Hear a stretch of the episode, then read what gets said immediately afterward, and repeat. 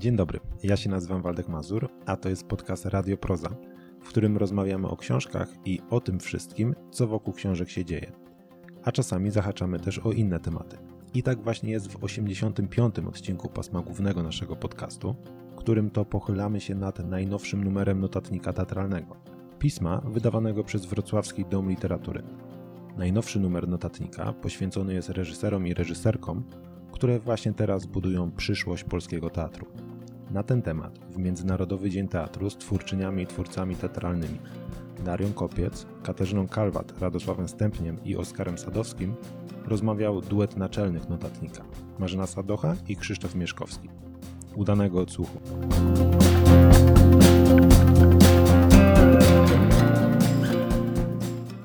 Teatru bardzo mi miło. Zaczynamy takie pierwsze prawdziwe cykliczne spotkanie notatnika teatralnego i mamy, mam takie wrażenie, że dopiero teraz wracamy naprawdę.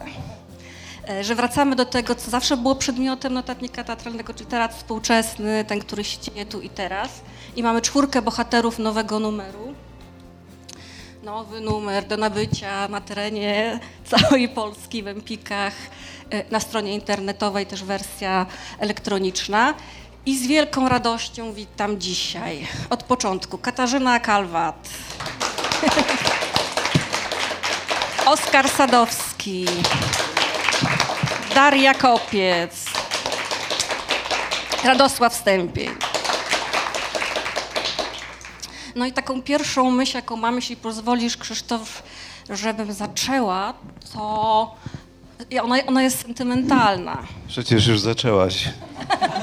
Tak się kryguje, żebyś czuł się nadal Wiesz, ważną osobą. Krzysztof Mieszkowski, redaktor naczelny Tatnika Teatralnego. Brawa. Ja się nazywam Marzena e, Sadocha i pracujemy razem 20 lat. Mamy dla siebie czułość oraz złośliwość na zmianę. Krzysztof, tobie też Na wszystkiego najlepszego z okazji dzisiaj. Bardzo mi się to podoba. Słucham? Wszystkiego najlepszego nam Dziękuję też z bardzo. okazji Ja Teatru. wszystkim oczywiście y, składam życzenia y, ważnych przedstawień, y, niepokojących, trudnych, y, odważnej i wyrafinowanej publiczności, która też będzie miała swoje zdanie w ocenianiu tych przedstawień, zwłaszcza w dniu Międzynarodowego Teatru. Tak, mamy tutaj dwa takie krzesła. Czuję się jak, jak król Lear z, z Lady Macbeth. Ładnie razem wyglądać. Proszę? Ładnie razem wyglądać. No, tak to się sprzeda na No to zdjęcie. na kontynuuj może. I to, to sentymentalne moje wejście, oprócz tego, że widzę jakby twarze, które jakby też od lat e, znam, e, to mam wrażenie, że przynajmniej w przypadku dwójki tutaj obecnych osób, tak, tych przypadków jest więcej, historia teatralna zatoczyła koło, bo e, Radosława Stępnia e, znam z korytarzy teatralnych w Teatrze Polskim, kiedy był asystentem e, Krystiana Lupy. E, utytułowane nazwisko, pracujące w całej Polsce. Krystian Lupa, tak.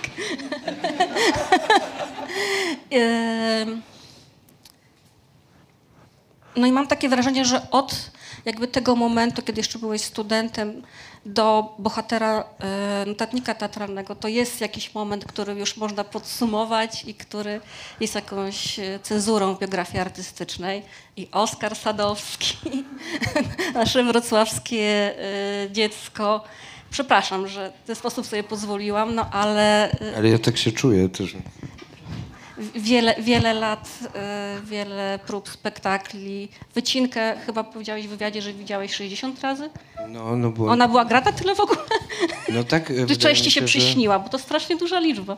Wydawało mi się, że w Awinionie był 50 y, spektakl, więc tak, tak, tak policzyłam, ale no tak, no w sensie, że zaczęło się od wycinki, a w zasadzie zaczęło się od tego, jak spotkaliśmy się z Krzysztofem w Austrii, w Gracu. I e, Rzeczywiście.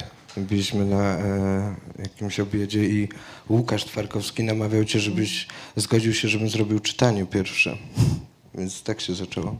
Czasami popełniam błędy niestety. I Oskar debiutował w Teatrze Polskim. Radek, mam wrażenie, debiutowałby albo zrobił swoje największe realizacje w Teatrze Polskim we Wrocławiu. Ale mówię o tym nie po to, żeby snuć jakąś sentymentalną nutkę żalu, tylko myślę sobie, kurczę, jeżeli się pracuje ileś lat, to tego są efekty, nawet jeżeli nie ma już tego miejsca w takim kształcie, w jakim ono było kiedyś, bo zostają ludzie, zostają idee, zostają wspomnienia, jakiś nakład czasu, który w danym miejscu spędzili. I to jest dla mnie bardzo radosne jakby w tym e, dniu teatru. Ja przepraszam Marzena, y, chciałbym szybko przytoczyć taką krótką wymianę zdań z obecnym dyrektorem Teatru Polskiego Jackiem Gawrońskim, którego spotkałem na, Jednak się nie... na wręczeniu tytułu doktora honoris causa Janowi Ptaszynowi Wróblewskiemu i po uroczystości bardzo wrażliwej i, takiej emocjonalnej y, Jacek Gawroński podszedł do mnie i mówi wie pan co, w, w, w sobotę obchodziliśmy 75-lecie Teatru Polskiego i nie udało nam się pana wygumkować. No ich też się nie da, mam wrażenie. Katarzyna Kalwat, bardzo mocny akcent wrocławski. Tak, będę wrocławsko.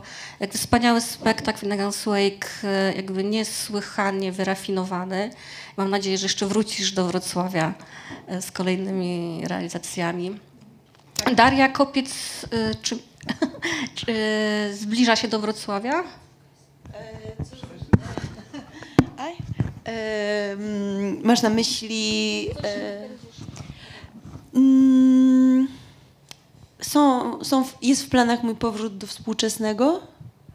E, no i być może w Teatrze Lalek, e, tutaj wrocławskim, Bo więc. we współczesnym Była Syrena Anatomia Miłości. O, o Jezu, jak ja mogłam zapomnieć. Nawet napisałam SMS-a do ciebie po spektaklu, taka rozanielona, że wspaniały spektakl. Zapraszamy do współczesnego. A niedługo y, Radosław Stępień w Kapitolu premiera, więc jest co, co oglądać. Ja żałuję, że Podziemie nie powtórzyło performansu y, Oscara. Przedstawiciele Podziemia, może coś da się zrobić, bo słyszałam jakieś totalne zachwyty e, nad tym projektem, który był prawie gotowym spektaklem, tak, Oskar?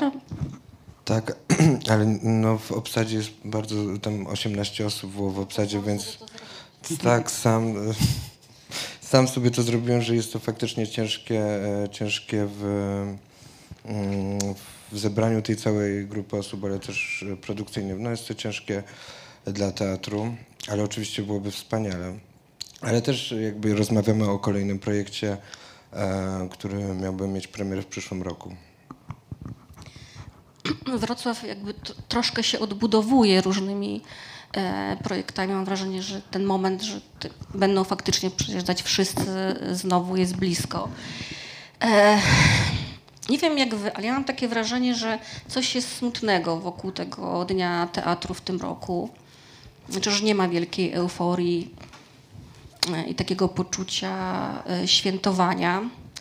E, Ale i te wyż, wy mówicie w wywiadach, e, każdy e, z naszych bohaterów, jest to dziesiątka twórców, ma e, wywiad, w którym opowiada o swojej twórczości, o kryzysie, w jakim jest współczesny teatr i to, jak wy go odczuwacie. Ale zanim o kryzysie, to może właśnie trochę o tych momentach inicjalnych, marzeniach, z którymi się przychodzi do teatru, które jeszcze nie tak dawno wydawały się jakby bardzo realne.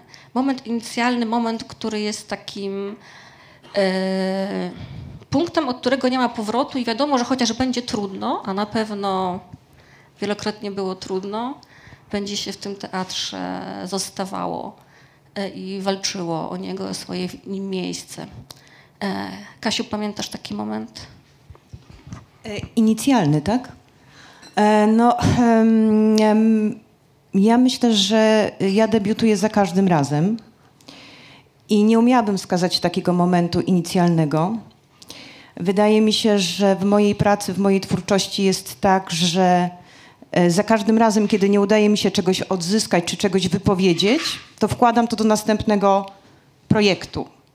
E, W ten sposób nieustannie staram się e, wypowiedzieć coś, co jest źródłem mojego bólu albo tematem, z którym krążę, a jednocześnie oczywiście jest tak, że nie ma takiej możliwości, żeby w pełni wypowiedzieć to, co jest em, naszą potrzebą.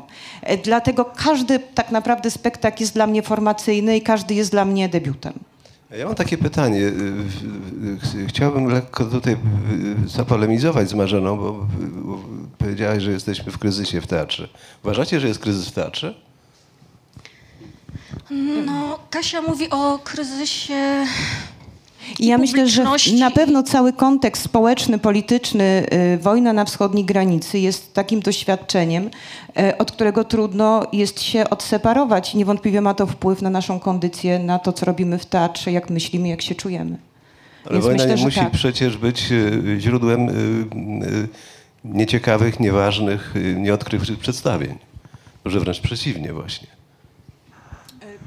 No tak, y, oczywiście można by powiedzieć, że kryzys jest takim doświadczeniem, które y, jest y, elementem naszego procesu często i jakby ta możliwość bycia w teatrze, ta możliwość wypowiedzenia siebie, odzyskiwanie własnej podmiotowości, czy y, pragnienie wypowiedzenia siebie, odzyskanie własnego ciała, własnego głosu jest czymś takim, co y, daje nam szansę na przezwyciężenie tego kryzysu. No niemniej jednak to jest przestrzeń teatru. I jeśli nawet z niej wychodzimy, y, silniejsi właśnie poprzez ten rodzaj wypowiedzi, poprzez ten rodzaj możliwości, to kontekst ten realny, w którym żyjemy jest często po prostu na tyle druzgocącym, że trudno jest znaleźć zdrowy balans między właśnie tą, tym życiem takim teatralnym, a tym życiem takim codziennym. Jeszcze bardzo realnie, bo pamiętam z Twojego wywiadu, jak powiedziałaś tak bardzo konkretnie o y, mniejszej publiczności w teatrach i o problemach z finansowaniem. Także jest to proces, który narasta. Jakieś decyzje komercyjne, które podejmują teatry, nie mogą się utrzymać z biletów, więc to jest też taki Oczywiście, wymiar to jest, odczuwalny e, kryzysu, który zmniejsza przestrzeń, bo coraz mniej twórców ma szansę. O tym mówił też Radek, y, na przykład na debiut, tak? Twoi studenci mają problemy z debiutem. Oczywiście, rzeczywiście, e, oczywiście tak jest. E, e, Teatr staje się coraz bardziej komercyjny. E, Teatr e, staje się komercyjny, ponieważ musi sprzedać to, co wyprodukował, dlatego że ma coraz mniej pieniędzy, coraz mniej możliwości.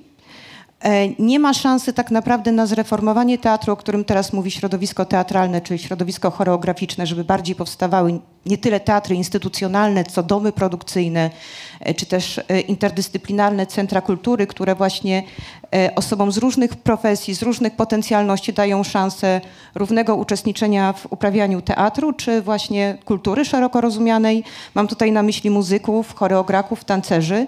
E, Jesteśmy cały czas w tym bardzo tradycyjnym teatrze, który się nie rozwija pomimo przemian, które się dokonują właśnie w obszarze sztuki. E, Nie ma szansy tak naprawdę na poszukiwanie, na eksperyment, tylko to, co powstaje, a szczególnie dotyczy to teatrów stołecznych, to są jednak bardzo mocno robione spektakle na wymiar. Więc myślę, że brak tego elementu zapośredniczenia teatru poprzez inne formy sztuki, brak e, finansowania teatrów, które pozwoliłyby sobie naprawdę na realne eksperymentowanie i poszukiwanie, e, prowadzi do dokładnie tego, o czym w tym momencie powiedziała Małgosia Sadocha. To, to właśnie miałam na myśli w tym wywiadzie. Ja jeszcze mógłbym tutaj dorzucić jedną kwestię do tego, co też powiedziała Kasia wcześniej, to znaczy do tej kondycji ludzkiej wobec tego wszystkiego. To znaczy, e, jasne, e, ja, ja znam takie tezy moich profesorów ze szkoły, gdzie to właśnie za komuny teatr się rozwijał, bo kiedy mieliśmy cenzurę i czu, czuliśmy, że musimy się czemuś przeciwstawić, to wtedy naprawdę się tworzyło. No ale tamto pokolenie jest inne, nasze jest trochę inne. U nas jest trochę chyba tak, że my potrzebujemy e, mieć tą przestrzeń w głowie, żeby zamontować tam e, tą twórczość artystyczną. Nawet nie mówię o sobie, mówię też e, według tego, czym rozmawiam ze studentami. A, no, a tej przestrzeni nie ma, bo rzeczywiście trzeba się utrzymać, koszta utrzymania rosną, trzeba się wypowiadać na tematy, na które się też na przykład czasem ludzie nie znają zwyczajnie. To znaczy bardzo łatwo jest e, e, mocną polityczną tezę, ale ciężko jest e, już e, jakby wy, wybronić to jako twórczość artystyczną, coś, co powinno być zniuansowane, a nie tylko agitacyjne. A do, no, no, no, no, no i jeżeli tworzy się teatr tylko w kontrze do wydarzeń, no to tych wydarzeń mamy rzeczywiście dużo w dzisiejszych czasach, dużo więcej niż to pokolenie wcześniejsze od nas, ale y, jeśli chodzi o taki rodzaj autoprzyzwolenia na pewien spokój, który jest konieczny do wytworzenia jakości artystycznej, no to to już jest trudne do znalezienia. Nie żeby się nie dało, da się, jasne, i rzeczy powstają, ale jest ten kryzys, ja się zgadzam z tym. Proszę, zabierz głosy. No, ja z chęcią. E, myślę, że ja też mam takie poczucie, że jesteśmy w głębokim kryzysie i podpisuję się pod tym, co mówiła Kasia i Radek teraz. A jednocześnie chciałabym dorzucić e, taki temat dotyczący wymiaru stricte ludzkiego. Myślę, że nie wiem, wydaje mi się obserwując, że przestrzeń teatru i ludzie teatru są w głębokim kryzysie takim międzyludzkim i to, co się dzieje no, w takich podstawach e, wymiany, budowania relacji, w jaki sposób, e, w jaki sposób się pracuje, do czego są przyzwyczajeni, jakby, co w, no, jakby jak przychodzą nowe struktury, jak są wprowadzane, ale jak jednak, wiadomo, e, jak coś jest e, znane i odtwarzane przez wiele, wiele lat i nieraz właśnie mm, bronione lub chwalone, a okazuje się dzisiaj, że to wcale nie było jakby zdrowym podejściem do człowieka czy do tworzenia. Wcale nie jest tak prosto zmienić i to nie tylko słowo zmienia lub jakaś sytuacja, tylko to przed nami lata w ogóle takiej uzdrawiającej pracy. Teatr się zmienia, e, potrzeby świata się zmieniają i mam wrażenie, że w ogóle nie nadążamy jako środowisko zupełnie nad takim, no nad takim, nad taką odpowiedzią my jako twórcy wobec teatru i my jako twórcy wobec widzów i w ogóle jak ten dialog prowadzić na takich bardzo em, zdrowych podstawach, no bo ja też czuję w jakiś sposób taką odpowiedzialność jako twórczyni mówiąca do jednak dużego grona odbiorców, e, że e, podejmuję też jakąś taką pracę etyczną od początku realizacji, bo wierzę w to, że to ma swój oddźwięk potem, poprzez to, co przekazuję. I myślę, że publiczność i świat potrzebuje innych spektakli niż dotychczas też powst- powstawały i się jeszcze nie może to wszystko w jakiś sposób zbalansować. A do tego też myślę, że status artysty, to mam wrażenie, że trochę Radek tutaj e, chciał to powiedzieć, jest w jakiś sposób zachwiany. No. Bycie artystą i życie ze sztuki, kiedy wierzy się w taki naprawdę mm, artystyczny patos, że to, co się robi, jest ważne i się oddaje temu serce i część życia, no bo to życie e, podróżnika od miejsca do miejsca, w jakiś sposób też e, nadwyrężając swoje życie prywatne e, i jakąś stabilizację, a jednocześnie wcale nie dając podstaw, e, takich bezpiecznych podstaw ku życiu, więc e, no dużo jest e, tematów, które myślę, że można by było włożyć pod temat kryzys. Wiesz, bardzo y, y, ciekawe to, co mówisz, ale niepokoi mnie to, że y, czegoś publiczność oczekuje i ta perspektywa, kiedy to publiczność ma narzucać jakieś kryteria artystyczne, jest dla mnie kompletnie nie do zaakceptowania. Dlatego, że wydaje mi się, że w tej przestrzeni sztuki, która jednak czasami was dopada i czasami tę przestrzeń sztuki wypełniacie swoimi przedstawieniami, swoją rozmową z publicznością, jest właśnie do zagospodarowania i no, można powiedzieć banalnie, że kryzys zawsze był. Trudno sobie wyobrazić świat bez kryzysu, człowieka bez kryzysu, e, rzeczywistość, która byłaby jakaś harmonijna, spójna i wewnętrznie ułożona, e, pełna radości i e, szczęścia dla publiczności artystów, no czegoś takiego nie ma. No, ja myślę, że w okolicach e, e, właśnie wojny, wobec której wielu artystów i wiele artystek się mocno zdefiniowało i e, nazwało to w sposób bardzo jednoznaczny. Dzisiaj e, mnie, prawdę mówiąc, publiczność niespecjalnie by interesowała, gdybym prowadził teatr. Y, Bo to jest jednak sytuacja taka, że ten pewien rodzaj konformizmu artystów, który y, jest niebezpieczny bardzo dla sztuki, jest też y, zagrożeniem dla jakiejś podmiotowości artystycznej. Kiedy wiele lat temu prowadziłem Teatr Polski, jednym z ostatnich przedstawień była propozycja Oscara, kiedy zrobił Witkacego, właściwie wbrew mojej decyzji.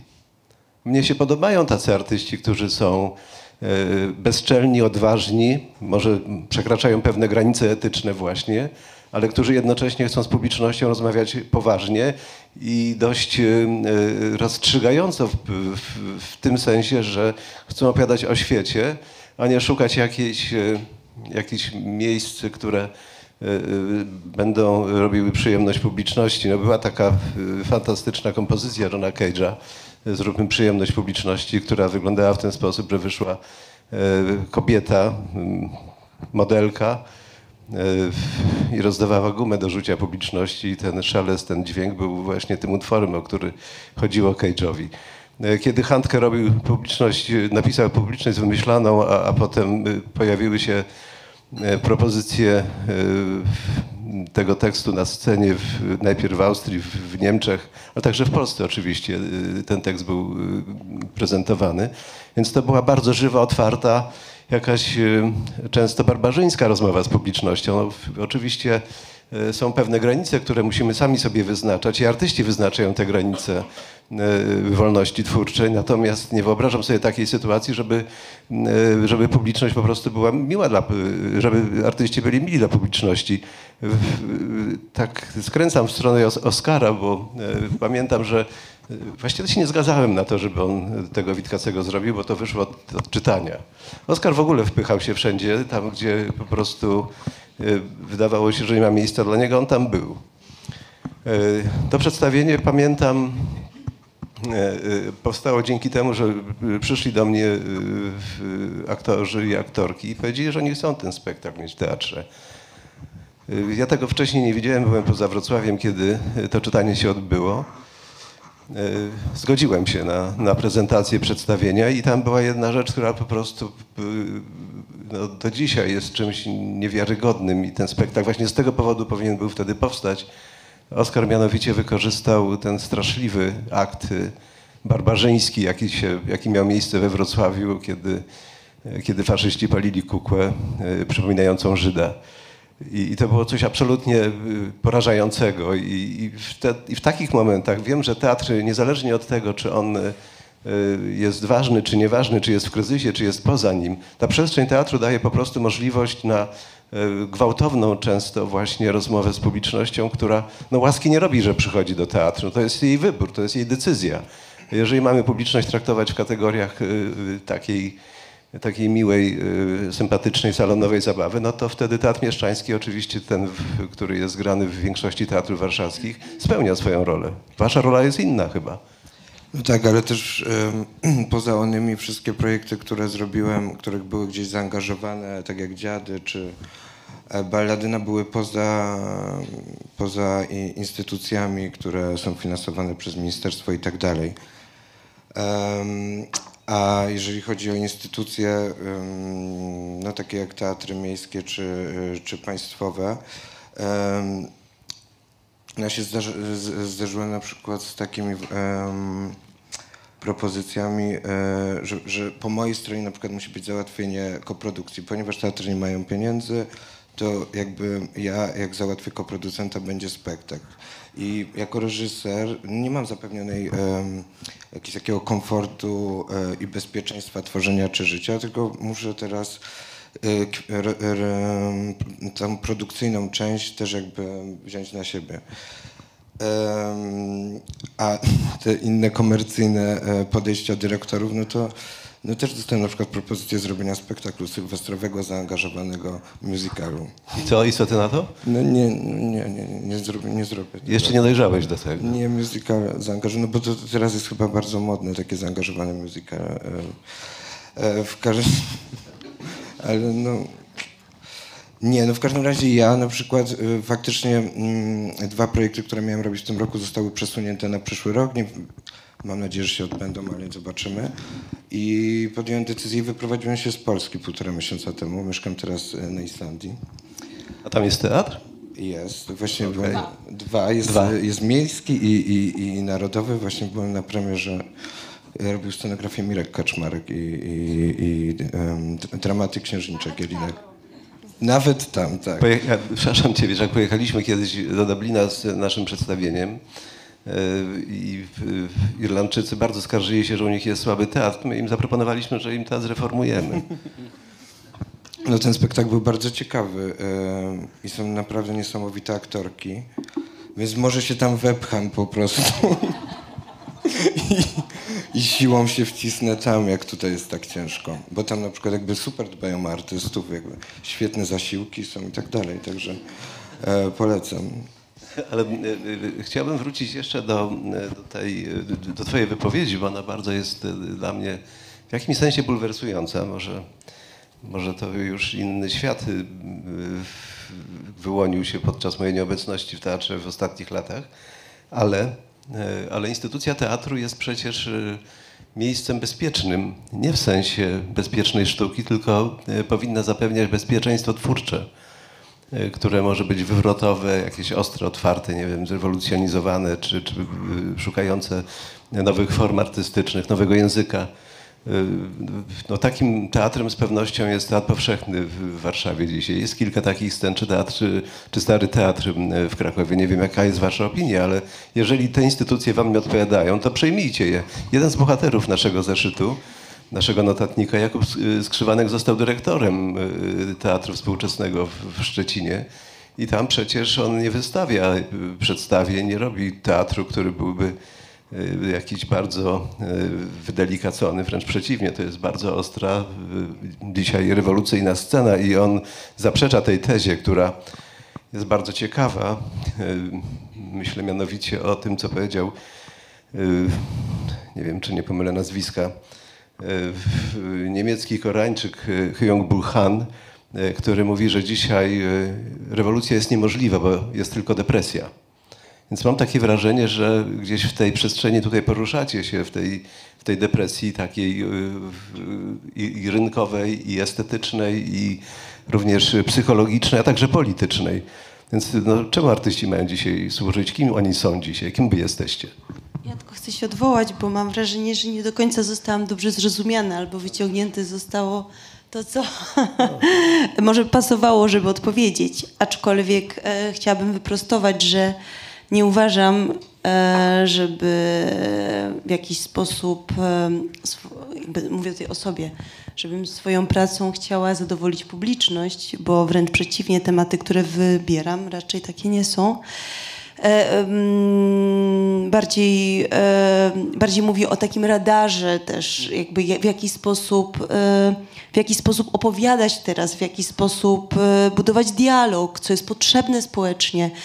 I to moim zdaniem zupełnie nie zaprzecza temu, żeby jednocześnie mówić e, poważnie, odpowiedzialnie, przekraczająco, e, wprost. To jest dla mnie jakby niezależne. E, więc powiedziałabym bardziej, że to nie my twórcy, bo większość z nas, młodych, chce, chcemy robić rzeczy ważne, bo oddajemy tam serce, naszą wiedzę i ogrom naszego czasu i potencjału, więc nikt z nas wątpię, że wchodząc w produkcję nie, no nie oddaje tyle, ile umie, ile może. E, chodzi nieraz o to, że e, nieraz nie można się wypowiedzieć, albo no, takim tak naprawdę bardziej dla mnie to, co chciałam powiedzieć w swojej... Wy... Akurat ja mam też dużo szczęścia, mogę też mówić, jakby mam mam też takie współprace, w których e, mam szansę się wypowiadać, ale bardziej to, co chciałam powiedzieć, to mówię o kondycji takiej międzyludzkiej. E, zmienia się świat, zmieniają się pewne proporcje dialogu. Um, no, nie uważam, żeby świat w dzisiejszych czasach mm, umiał budować taki dialog w oparciu o bez przemocy.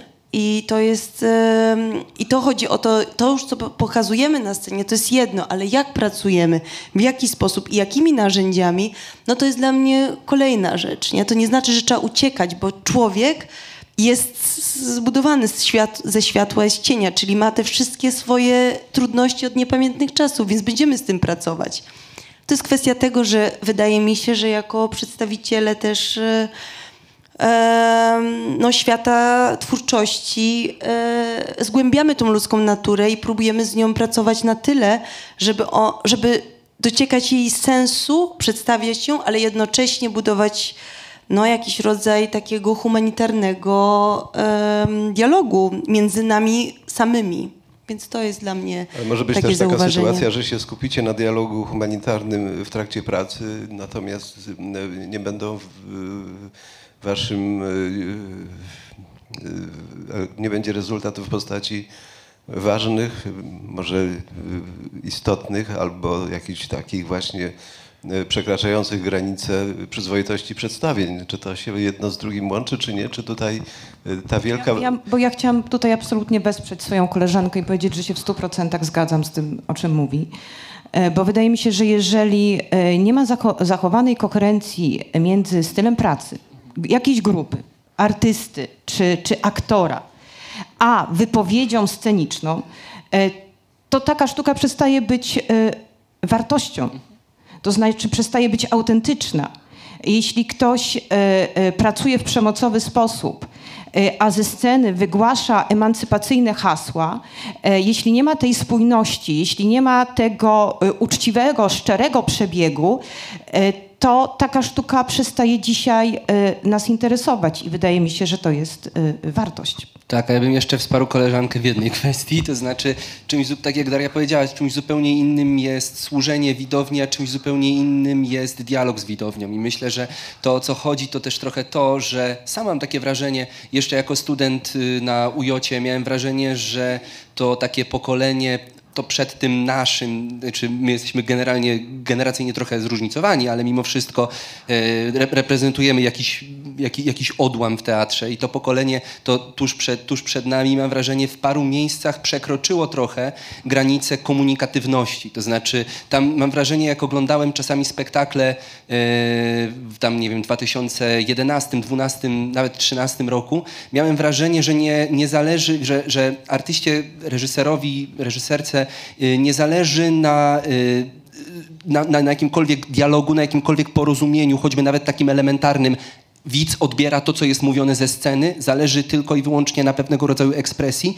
No i to musiało zaowocować tym, że kiedy już przyszło co do czego i teatr zaczął być orany, y, bardzo mało jakby tego prawdziwego społeczeństwa za teatrem się wstawiło. I y, no i tu jest myślę też y, postawiona kwestia, że my, którzy wchodzimy w tą taką dużą robotę po tym, jak został zaorany Teatr Polski, został zaorany Stary Teatr, y, tych zaoranych instytucji jest coraz więcej zresztą. My, mam wrażenie, mamy trochę taki inny start, gdzie musimy więcej myśleć o tym, jak skomunikować się z tą widownią, co broń Boże nie znaczy służyć tej widowni. Ale na przykład, no nie wiem, dla mnie takim miejscem, wolny, ja zresztą nigdy nie poczułem się zmuszony do niczego, y, jeśli chodzi o moją pracę w teatrze.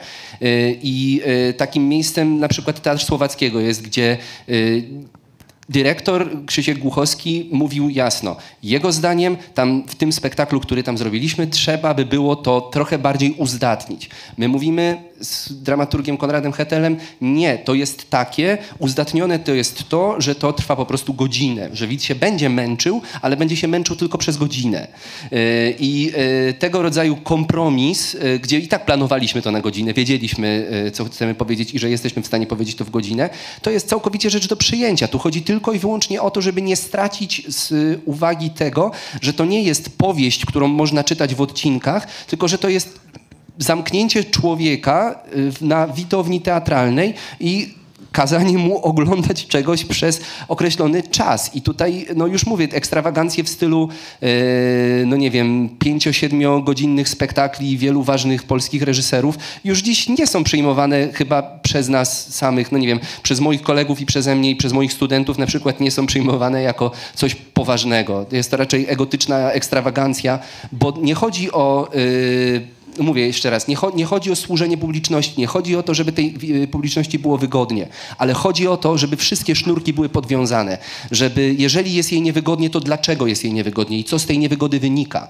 A to już jest przemyślany kontek, y, konkret. No i myślę, że o to też trochę Darii chodziło w tej wypowiedzi odnośnie widowni. Zanim oddam głos Marzenie, y, tak sobie myślę, kiedy Zadara wystawiał 11-godzinne dziady, 11-13-godzinne dziady we Wrocławiu. 14-godzinne dziady, one były z przerwami właściwie, no, wszystkie przedstawienia mają jakieś przerwy, można sobie samemu przerwę zrobić, jeżeli ktoś bardzo chce. Ale tak sobie, tak sobie myślę, że trochę was prowokuje oczywiście, bo chciałbym, y, żebyśmy y, spróbowali zdefiniować jakoś y, może na nowo tę przestrzeń teatru. W jaki sposób ten teatr y, zrewolucjo- zrewolucjonizować y, y, wewnętrznie, tak, że nie, tak żeby nie było tej przemocy, o której no, słyszymy właściwie na każdym kroku. Ja mam tutaj takie zdanie, które sobie wynotowałem tuż przed wyjściem z domu, dlatego się trochę spóźniłem i przepraszam za to spóźnienie. Nie ma mistrzów. Umarli zaraz po Bogu autorzy ich historii. Okej. I teraz mi oddajesz głos. Tak, teraz ci oddaję głos. tak, no to y, taka jakby jest rola, Krzysztof wyrzuca bomby, a ja w tych lejach po bombach będę sadzić, nie wiem, drzewa pomarańczowe, bo mi się wydaje, że jakby ten kryzys jest odczuwalny. Przepraszam bardzo, ale nie kojarzysz tego, co, co, co przeczytałem? Pamięć się zawodzi? Jak to jest możliwe, Marzena? Y, Tego, co czytałeś przed chwilą? Tak. Nie, co to jest? A właśnie, to jest, to jest pierwsze zdanie z twojego tekstu, wiesz, y, który, y, który zaczyna naszą publikację z okazji 65-lecia Teatru Polskiego we Wrocławiu. Taką grubą książkę wydaliśmy wspólnie z Piotrem Rudzkim, nie wiem czy pamiętasz, tak, były takie czasy kiedyś. Y, I to właśnie jest to zdanie, czyli 10 lat temu już pogrzebałaś na przykład, nie wiem, Krystiana Lupę, czy może Mickiewicza przy okazji, wiesz, y, no bo E, tutaj i autora dalej- już nie ma. I Historia mam w ogóle już wrażenie, jest... że, że pytanie o mistrzów jest takim pytaniem e, kłopotliwym, e, że ważniejsze jest jakby samo stanowienie się jakby bardzo szybkie. Chociaż tutaj do tego jakby za chwilę wrócimy, jakby są troszeczkę inne przypadki, ale wiecie co, y, nadać temu taki y, może bardziej prosty, ale sens, pod którym możemy się podpisać. Moim zdaniem te przyczyny odczuwalnego kryzysu. Kasia powiedziała bardzo ładnie, że teatr jest miejscem, w którym y, zaczyna mieć depresję, który potem z tej depresji ją wyciąga. Daria mówi o tym, że próbuje zachować swoją wrażliwość w jakby rzeczywistości teatralnej i to jakby jest coraz trudniejsze. A my wszyscy strasznie oberwaliśmy po łbie. Jakby teatr strasznie oberwał. Oberwał przez pandemię, jakby masakrycznie. Y, Ludzie nie mogli debiutować, kończyli szkoły na online'ach. Jakby te straty jakby są, jakby realne. Ileś rzeczy mogło się wydarzyć, mogły, mogli tutaj być zupełnie inni bohaterowie, e, ponieważ zaczęliby w tym momencie pracować. E, Okazało się w tym momencie, że Niko Teatr nie walczy. Tak? Po raz kolejny zobaczyliśmy, że nie jest to jakaś przestrzeń, która, na którą się teraz otoczy parasol, bo kurczę, e, były jakieś żałosne stypendia e, ministra kultury, które, jeszcze one nie były pomocowe, tylko trzeba było zrealizować dzieło, nie? Jakby no kurwa mać, nie? Jakby można było zdychać w tym momencie, jakby tak naprawdę. E, Potem okazuje się, że teatr jest jakoś totalnie wykorzystywany, sztuka w ogóle, jako tuba propagandowa. Nie? Władza mówi wprost, my przejmiemy te instytucje i one będą wydawać takie pisma, jakie chcemy, będą robić takie wystawy, jakie my chcemy, bo sztuka jest po to, żeby pokazywać, jakby przekazywać nasze idee. Nie? I znowu, kurde, czujesz się, że dostajesz jakby mocno po głowie, to po co w takim razie jakby są e, szkoły artystyczne, nie? Po co ten cały system? E, Gdzieś tutaj mocno coś zawaliło. No i przychodzi kryzys, e, w którym wiadomo, to, na pewno słyszę na każdej rozmowie, to też słyszę, nie ma pieniędzy, ale nie ma, będzie mniej, my naprawdę jakby nie możemy. I Krzysztof teraz powie, że pieniędzy nie było zawsze jakby i Nie, tak to dalej. nie chodzi o to przecież. Ale, ale naprawdę, y, na przykład y, czytając w wywiadzie Radka o tym, że się martwią o swoich studentów, o to, że im e, ubywa miejsc do debiutu, no to przecież będą tego konsekwencje, tak? Jeżeli mogę zrobić jedną premierę mniej, no to wybiorę dwa znane nazwiska, które mi zapewnią sukces, zrobię jakiegoś innego Czechowa, no i już nie starcza miejsca, żeby dać dwóm debiutantom y, pole, żeby y, 15 w ciągu 10 lat zrobiło premierę, a pięciu się e, udało coś zrobić dalej.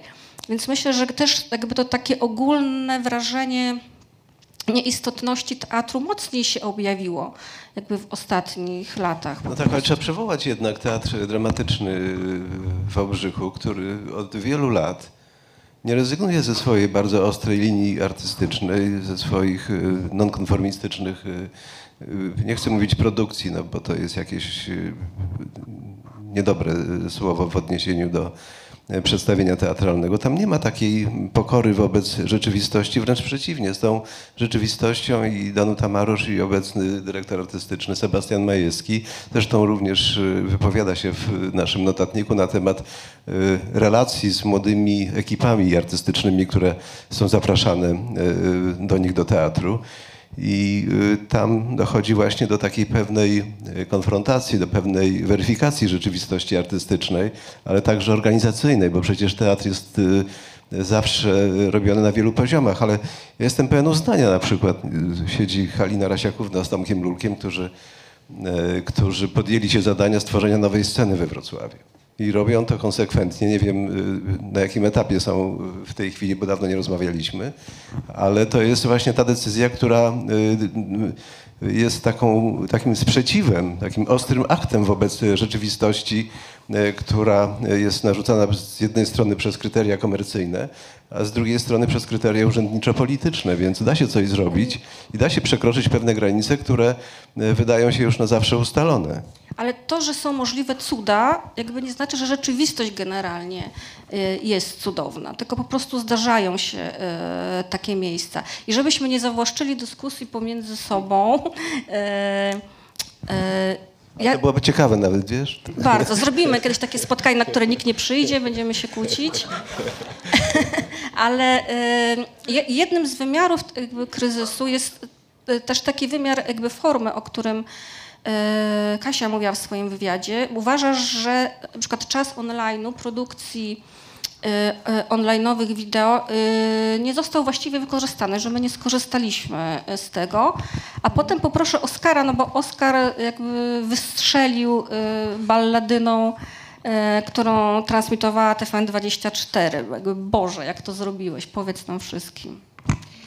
Tak, ja myślę, że rzeczywiście pomimo wielu problemów e, w tym okresie pandemicznym jednak zrodziło się coś bardzo ciekawego dla mnie, e, coś, co jest jakimś takim właśnie tworem mediującym pomiędzy teatrem, jakby tym takim wymiarem osobistym, intymnym teatru, a tym wymiarem takim zapośredniczonym przez kamery. I myślę, że to jest w ogóle taka przestrzeń, e, mówię o perspektywie przyszłościowej teatru, po którą powinniśmy e, w sposób zdecydowanie bardziej odważny sięgać. Niestety problem polega na tym, że w Polsce nie ma domów produkcyjnych, nie ma grup kuratorskich, które pozwoliłyby pracować poza takim tradycyjnym, e, sformatowanym teatrem. Przepraszam.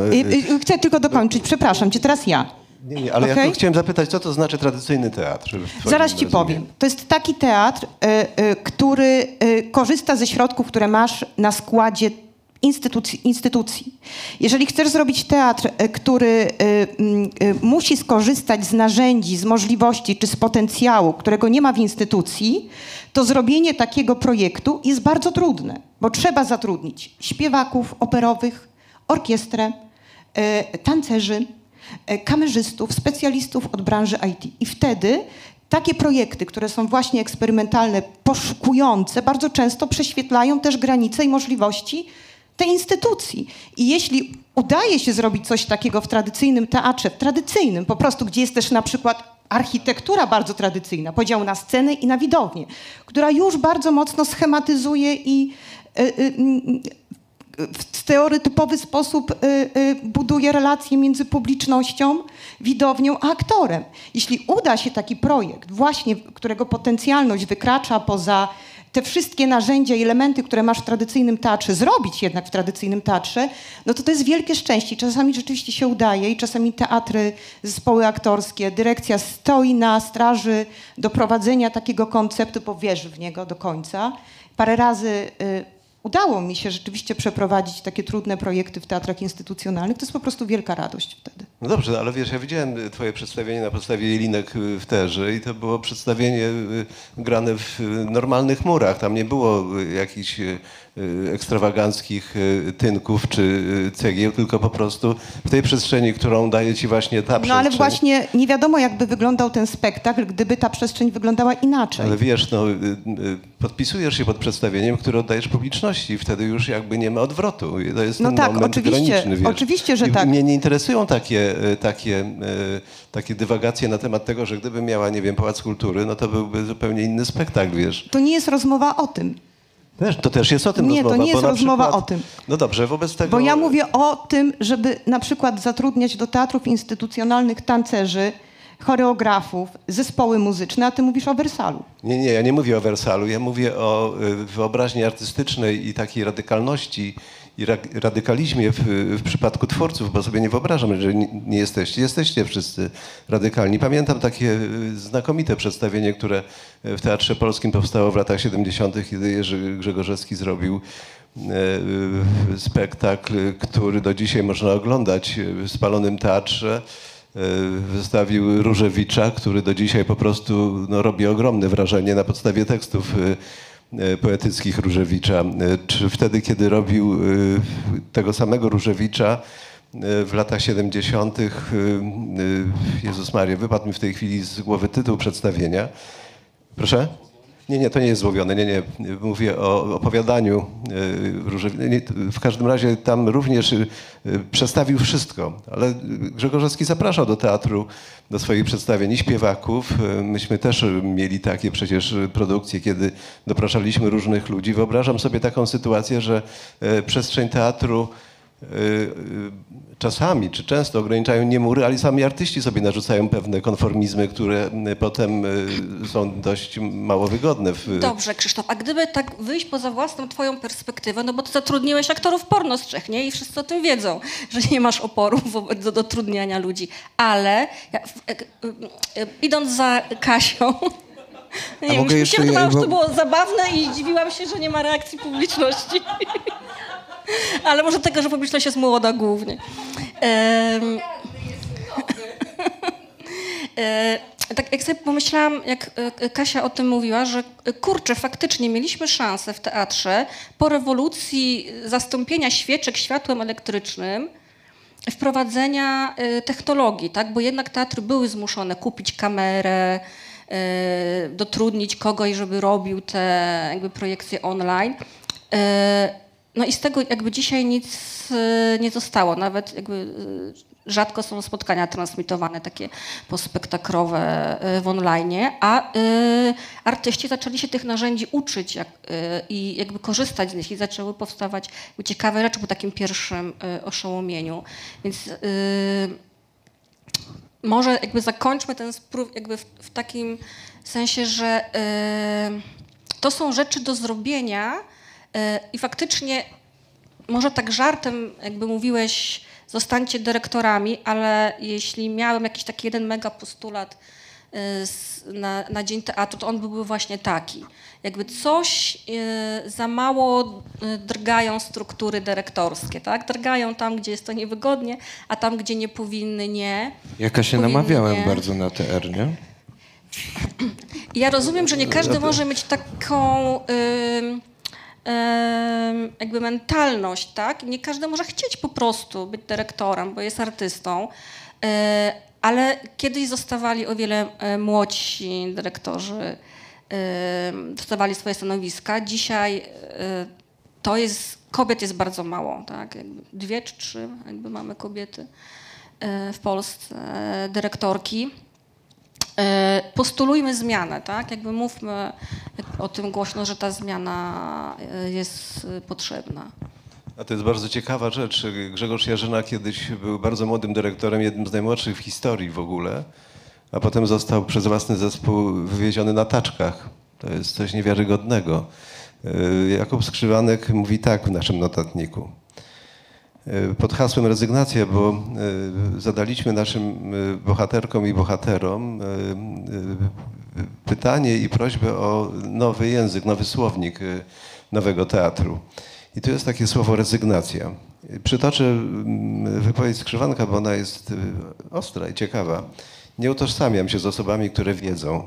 Nie mam już ochoty słuchać starych mędrców, którzy po setkach napisanych fraz, tysiącu wypowiedzianych słów, przez kolejne kilka godzin jedyne, co mają do powiedzenia, to, że spierdoliliśmy wszystko. Mam dziś poczucie, że kolejne opowieści o nich, o nas, nas teatrze i nas artystach, nikogo już specjalnie nie interesują. I być może wyjątkowo mm, pewność, że czas artysty demiurga, jednostki wybitnej, która oświeci nas swoim blaskiem i mądrością miną. Jestem ciekaw y, waszej, y, waszej refleksji na temat tej wypowiedzi. Utożsamiacie się z tym? To jest y, rzeczywiście tak, y, jak być powinno? Czy to jest ekstremalny jakiś pomysł na świat artystyczny?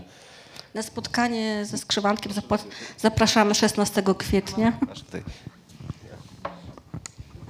Znaczy, A wiecie co? Tak? Ja powiem.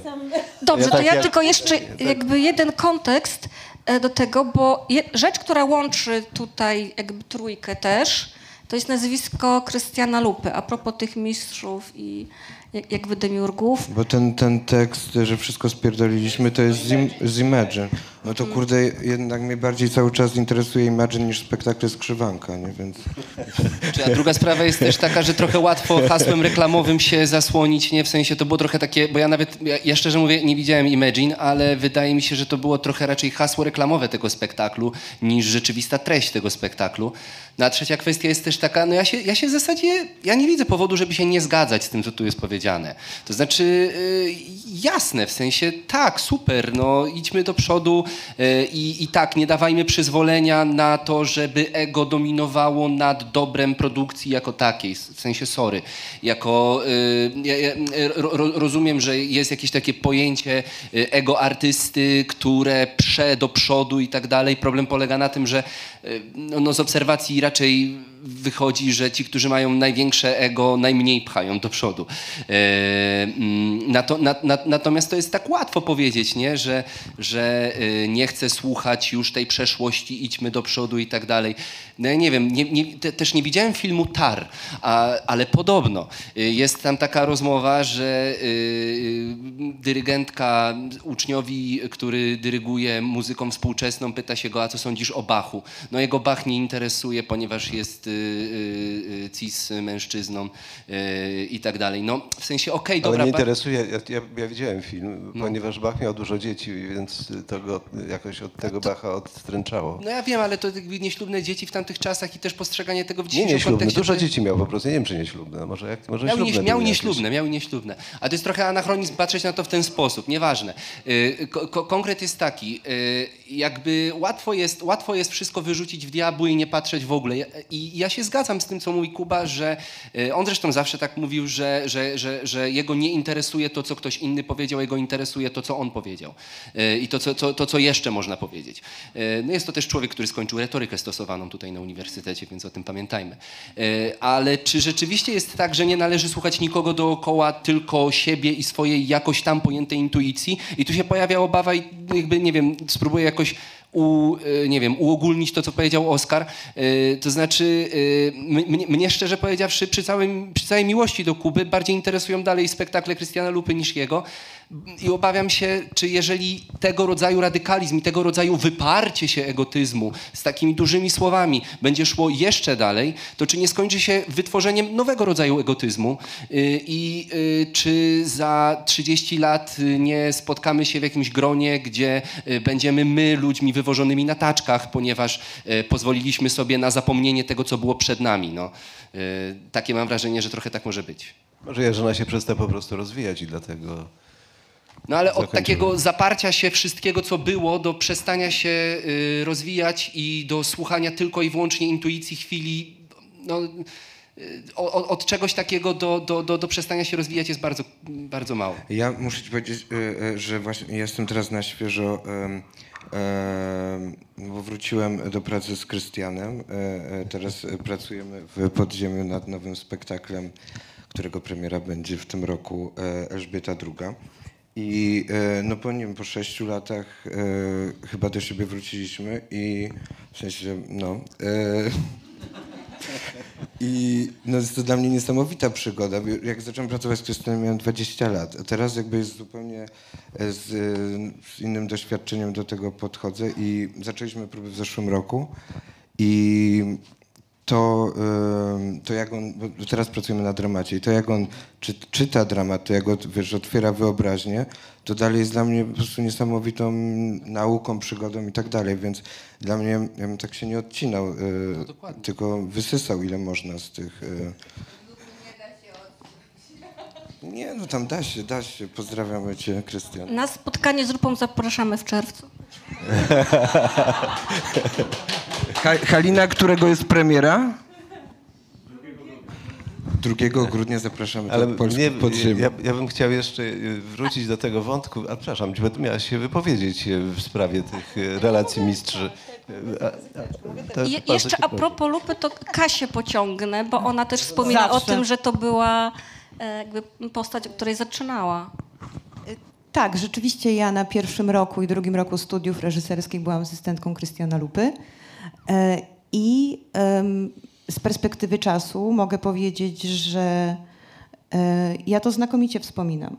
E, To znaczy przede wszystkim to, z czego mogłabym wziąć wartość, co, było dla mnie wartością po tym doświadczeniu, to jednak jakaś taka umiejętność c- em, branie odpowiedzialności za to, co robię, za to, co mówię i mówienia tego głośno. Oczywiście zawsze y, jest takie ryzyko, że stoi to obok pewnych heroizujących czy takich postromantycznych narracji, a to jest zawsze blisko y, pewnej takiej demiurgicznej y, natury artysty. Ale ja myślę, że odpowiadając na Twoje pytanie, Krzysiu, to myślę, że mi brakuje dzisiaj silnych, mocnych, radykalnych głosów w teatrze, w ogóle w sztuce. I absolutnie uważam, że wzięcie odpowiedzialności za to, co się mówi, jest po prostu y, wartością. Wiesz, mnie, mnie, mnie brakuje radykalnych, y, ostrych dyrektorów. Przede wszystkim, którzy mieliby odwagę przekraczania granic, które myśmy przekraczali w teatrze. Ja byłem takim dyrektorem, przepraszam za to zdanie. A miałem się włączyć do naszej Tak, już się włączam. Em, tutaj zostało już dużo powie- też powiedziane, em, z czym się jakoś też zgadzam, ale em, myśl, chciałabym jeszcze trochę nawiązać do tej wypowiedzi skrzywanka Kuby e, i do tego pytania o kryzysie e, wcześniejszego. E, też mam takie wrażenie, że jest coś takiego aktualnie, że nie wiem, 20, 30 lat temu, czy nawet 15 lat temu, e, wymiar w ogóle sztuki był trochę gdzieś inaczej postrzegany i reżyserzy, i etos artysty e, tworzącego. Jesteśmy w zalewie e, bardzo wielu produkcji. Myślę o teatralnych, ale też filmowych. Jakby łączę te dwa media też, i teatralne, i filmowe, dlatego że no, jest teraz pełne bogactwo i pełna dostępność. Ludzie mieszkający w mieście mają i tego, i tego w brud. Kwestia jest teraz wyboru. Nie ma teraz takich, raczej pojawiają się co jakiś czas jakieś, nie wiem, wielkie przedstawienia albo jakiś film i większość pójdzie, ale jest tego zalew. Jest nadprodukcja wszystkiego. E, To nie jest moment, kiedy po prostu czekało się na nowy film Bergmana i był po prostu Bergman. E, Tylko mamy bardzo wielkich twórców e, już nagradzanych, ale jednocześnie mamy też młodych i w teatrze i w filmie, którzy też jakby produkują, realizują filmy doskonałe albo teatr doskonały. Pojawiają się, znikają. Wszystko jest em, przemijające, bardzo takie błyskotliwe i pojawiające się. I jest tego faktycznie bardzo, bardzo, bardzo dużo. I mam wrażenie, że mm, taki jest też e, w pewnym sensie pomieszanie tego, e, gdzieś tam, co jest istotne i czy ta osoba już, ten twórca jest jakimś prowadzącym demiurgiem, jakąś myśl.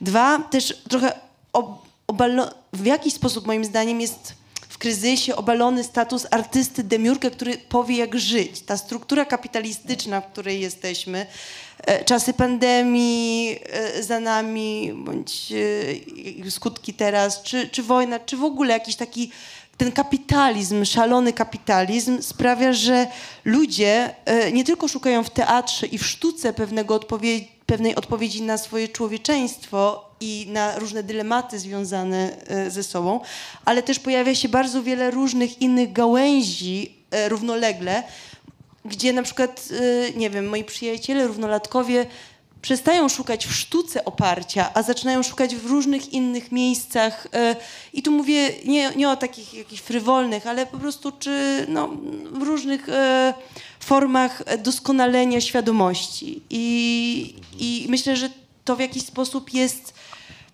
nie wiem, mi się wydaje dość znaczące i tutaj trochę robię taką adnotację do tego odpowiedzi o kryzysie, że teatru, że e, tego pytania, że mamy teraz już e, wielu, duże grono ludzi, którzy są wykształceni, mają bardzo pogłębioną świadomość, dużą wiedzę i e, nie szukają pewnych pogłębionych tez lub przekraczających jakichś po prostu e, wystawień w teatrze czy w filmie, tylko gdzie indziej szukając swojego po prostu człowieczeństwa i odpowiedzi, no bo tym jest dla mnie teatr. Ja tam szukam i zapraszam człowieka do tego, żeby ze mną zastanowił się nad istotą swojego istnienia.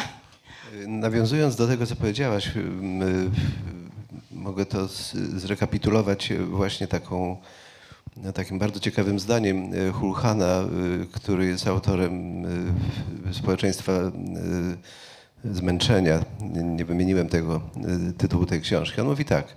Żyjemy w szczególnej fazie historycznej, w której przymusy, w której przymus generuje sama wolność. I mówi dalej, tak. We współczesnym społeczeństwie każdy prowadzi sam swój obóz pracy. To oznacza, że i to społeczeństwo zmęczenia jest y, wynikiem czegoś pozytywnego, to znaczy ciągłej y, pogoni za y, jakimiś sensownymi, zdaniem poszczególnych osób czy poszczególnych indywiduów społecznych za jakimiś sukcesami zawodowymi. On uważa, że to jest y, niedobre, że ta pogoń po prostu doprowadziła do y, zrównania nas w takim właśnie depresyjnym świecie, który w pewnym momencie okazuje się światem także pozytywnym. On tak to definiuje. No dobrze, ale, ale rola artysty jest specjalna. No przecież y, tutaj nikt nie chce przyklepywać tej rzeczywistości, tylko chcemy ją wywrócić do góry nogami. Chcemy jednak obudzić to społeczeństwo. To społeczeństwo jest w kryzysie bardziej, czy, czy, czy my jesteśmy po prostu ofiarami tej, tej, tej, tej takiej, takiego lunatykowania społecznego, które jest udziałem sp- społecznym właśnie, gdzie ludzie po prostu potracili swoją podmiotowość, wmontowali się w systemy, w, pozbyli się jakiejś odwagi społecznej. Mamy to przecież w Polsce, mamy do czynienia z tym w Polsce. W Izraelu mamy protesty, w Polsce mamy ciszę. Mamy spokój na morzu. Ale na, jak w Izraelu mamy protesty, bo to się wydarzyło w tym roku, a kiedy się u nas takie rzeczy działy jak w Izraelu, to też nie mieliśmy ciszy na morzu. E, a druga kwestia jest taka, mam wrażenie, jest jedna, jed, jedna rzecz, którą chyba powinniśmy sobie w ogóle na potrzeby tej dyskusji jakoś uściślić. I co to właściwie znaczy ten jakiś taki teatr, który, e, no właśnie, nie wiem, budzi widza, choćby to. Bo mam wrażenie, że rzeczą kompletnie nie niedostrzeganą, e, a jednak strasznie istotną jest to, że mamy, mamy jakiś w ogóle, mam wrażenie, jakiś rozłam, jeśli chodzi o ten teatr. I nie mówię tylko o rozłam na teatr komercyjny i artystyczny, tylko w obrębie tego teatru, który powstaje gdzieś z potrzeby tego, tego teatru artystycznego. Mamy coś takiego, gdzie rzeczywiście ktoś krzyczy, budzi, wspomniany Kuba na przykład, skrzywanek, e, krzyczy, budzi, stoi na sztandarach, wypisuje rzeczy i tak dalej, macha tymi sztandarami, ale macha pośród ludzi, którzy się z nim zgadzają. To znaczy, y, ja no, pamiętam, była policja podstawiona pod Teatr Powszechny, kiedy y, był grany Mein Kampf, ale nikt tam przeciwko temu nie protestował. Y, I to jest jedna kwestia. I to jest ta jedna gałąź teatru, która moim skromnym zdaniem w tej formie, w jakiej jest, ten teatr polityczny, on się wyczerpał. Ten teatr niegrzeczny, ten jakiego chcą na przykład dyrektorzy, niektórzy jeszcze, y, to, to, to się wyczerpało. Tego potencjału już nie ma. Możemy generalnie zbijać sobie piątki, że mamy podobne poglądy, ale poza tym niewiele z tego wynika. Tymczasem w miejsce tego teatru jest to, o czym zaczęła mówić Daria. To znaczy teatr, który e, nie tyle służy budzeniu, nie służy też usypianiu, co służy, e, co służy temu, żeby znaleźć gdzieś jakąś taką przestrzeń wolną od darcia mordy e, i e, jakąś taką przestrzeń, gdzie rzeczywiście wspólnie możemy się zastanowić nad czymś, co, no mówię, jeszcze w 2012, 13, 14 roku w teatrze wydawało się nie do pomyślenia, czyli nad sensem życia.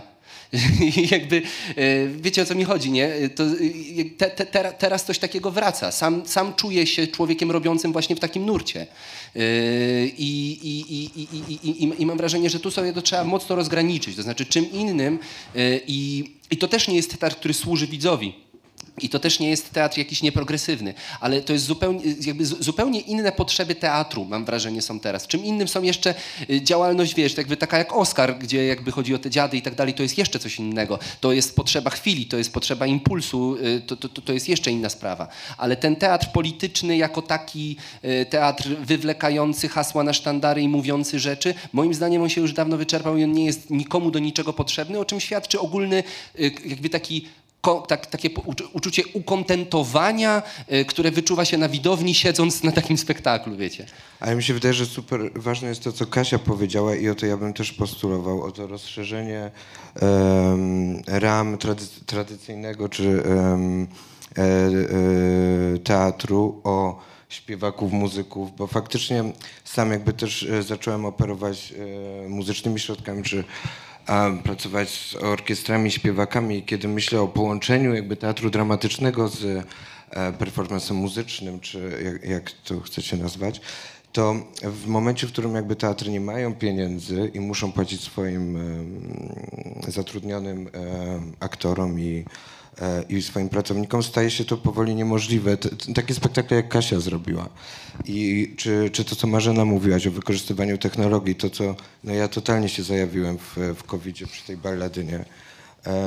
I faktycznie bym postulował o zmienienie jakby e, struktury teatru, o poszerzenie, żeby faktycznie czerpać to, nasz Krzysiek, ty to robiłeś, nie? Te spektakle, e, które powstawały w Teatrze Polskim we Wrocławiu były bardzo interdyscyplinarne i ty na to znajdowałeś pieniądze i to było możliwe. Teraz wydaje się to w ogóle Nie. niemożliwe. Nie było pieniędzy. Dla ciebie, dla ciebie to było możliwe. No jakby robiłeś cuda i... Ale, ale wiesz, ja miałem bardzo dobrą nauczycielkę, y, która powiedziała jedno zdanie. Przyjechała Felis Ross do Wrocławia z Gadirolem. Y, I Felis Ross, która pracuje z Warlikowskim od, od zawsze już właściwie. I zobaczyła, y, jak, jak wyglądają nasze światła, nasz, y, y, to, czym ona się będzie zajmowała w przedstawieniu, to jak wykorzysta te narzędzia. I powiedziała mi, słuchaj, to jest skansen. Ty możesz z tego zrobić muzeum, ale tutaj teatru uprawiać nie można. Ja wtedy na przedstawienie wypożyczyłem właściwie całą infrastrukturę, która była niezbędna Gadirolowi, ale przede wszystkim Feliz Ross do poświecenia przedstawienia. I ono oczywiście miało swój nowoczesny wymiar. Y, Też podjąłem ogromne ryzyko, bo księgowa nie chciała mi żadnych kwitów podpisać, więc y, y, wydawało się, że to będzie jakaś jednorazowa sytuacja, jednorazowy eksces, ale doszliśmy również do takiej sytuacji, kiedy można było wygenerować pieniądze z Unii Europejskiej, ale, ale to jest oczywiście sytuacja jakaś jednostkowa, być może ona wynika z mojej osobowości, natomiast mnie interesuje bardziej wasza obecność w tych teatrach, które istnieją. Pracujecie w tych teatrach. Gdybyście mogli mi powiedzieć, jak to w ogóle wygląda dzisiaj, wasza obecność w przestrzeni nowoczesnego, współczesnego teatru progresywnego, powiedzmy, gdzie macie do dyspozycji y, przyzwoite narzędzia y, w postaci światła, przestrzeni, y, scenografii. I tutaj zmierzam do puenty tego pytania. Otóż w wielu wypowiedziach w notatniku teatralnym pojawia się taka refleksja, że właściwie scenografia to już młodym artystom nie jest specjalnie potrzebna. To oznacza, a jednocześnie towarzyszy temu taka właśnie, jakby to powiedzieć, y, y, quasi etyczna y, opinia, że zaoszczędzimy pieniądze, że drewno, że, że, że stal, że coś, ale jednocześnie nie budując dużych przestrzeni scenograficznych czy, czy przestrzeni za pomocą scenografii, no, tak jak to było między innymi w naszym teatrze, tak jak jest to w teatrze Krzysztofa Warlikowskiego lub wielu innych artystów i artystek, jednocześnie odbieracie pracę, czy ci młodzi artyści odbierają pracę stolarzom, rzemieślnikom teatralnym. Te zawody okazują się nagle nieistotne, ponieważ wa- łatwiej y, posłużyć się na przykład technologią wideo i mieć właściwie taką scenografię w, w taki sposób y, zrobioną. Więc ja upominam się o scenografów, scenografki, o to, żeby artystki i artyści, którzy uprawiają te zawody, znaleźli miejsce w teatrze, żeby ich nie wypychać z tej przestrzeni. Powiedział, że scenografia jest niepotrzebna. Po- Nie czytałeś notatnika? No jak, dopiero teraz kupiłem. A, Jest taki y, głos faktycznie mówiący o, o na przykład ekologicznym wymiarze scenografii, spektakli, które są niewiele razy grane, a sporo y, kosztują. Y, Kasiu, ty robiąc przedstawienie w teatrze w podziemiu, Tak, ja mogę powiedzieć, że rzeczywiście tutaj mam taką refleksję. Ja jestem bardzo szczęśliwa, że na przykład ostatnio moje projekty, które miały niestandardowe potrzeby, powstawały w teatrach instytucjonalnych, że one się udały.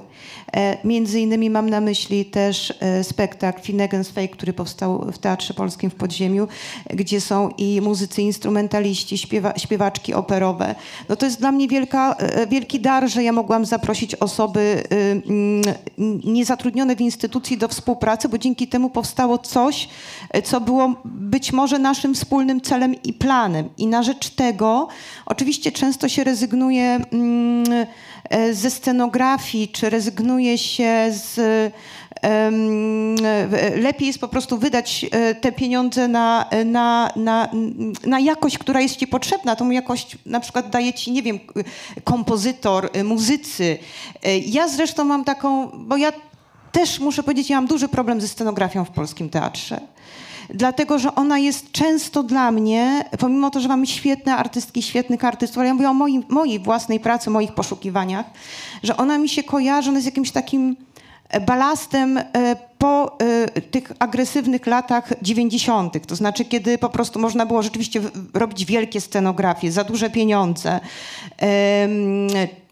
Często te scenografie, które, które, które no są właśnie takie futurystyczne, przesadzone, e, ten taki wymiar inscenizacyjny spektakl, on przykrywa coś, co dla mnie osobiście jest największą wartością, czyli po prostu ciało aktora, jego obecność, e, wymiar muzyczny, e, pracy nad językiem i, i muzycznością. E, m, Po prostu bardzo często jest tak, że my mamy w teatrze określony budżet, którym musimy dysponować i w ramach tego budżetu podejmujemy decyzje. Ja te decyzje podejmuję w taki sposób, że zawsze dla mnie większą wartością będzie y, obecność aktorów, śpiewaków, y, muzyków na scenie, czy na przykład y, wprowadzenie artystów wizualnych do współpracy, niż na przykład y, produkowanie wielkich inscenizacji, które potem i tak za dwa lata znajdą się gdzieś w magazynach. To nie jest wartość, na której chciałabym po prostu opierać rozwój mojego teatru, chciałam powiedzieć. Może trzeba myśleć o tym, jak recyklingować, jakby to, co zrobiłaś przecież w... W Holzwege. W Holzwege, nie? No tak, można robić, e, można przetwarzać scenografię też wielokrotnie, co jest bardzo dobrym y, wyjściem z tej sytuacji. My to rzeczywiście y, robimy. Ja przyznam szczerze, wielokrotnie, na przykład pracując w TR Warszawa, y, na przykład w Holzwege, to tam są bachantki chyba, Dybuk i parę innych wielkich dzieł na scenografii. Po prostu wszystko zostało pocięte przez Anię Tomczyńską, moją scenografkę i z tego powstała scenografia do Holzwege. No I, jestem za tym oczywiście coś. takim wykorzystywaniem e, tworzyw już wcześniej użytych, czyli tak, no tworzyw. A, m, bardzo proszę was, żebyście wypowiedzieli się na temat scenografii. Y, Mamy głosy y, Katarzyny. Dla mnie scenografia jest szalenie istotna i y, operuje obrazem i tak wiadomo, y, aktorzy, ciało i tak dalej, ale jeżeli budżet na to pozwala oczywiście, bo często nie pozwala na zrealizowanie jakiegoś e, swojego marzenia, ale scenografia, e, no nie wiem, tak jak Anny Met, często jakby daje e, kolejną, kolejną warstwę znaczeniową i jest, e, wydaje mi się, super, szalenie cenna w polskim teatrze, więc ja bym tak nie jakby da, dawał szansę na, na zaistnienie jednak. Ale faktycznie ten recycling e, mógłby się przydać niektórym reżyserom, którzy powtarzają ściany takie same na przykład. E, no, stuningować e, troszkę.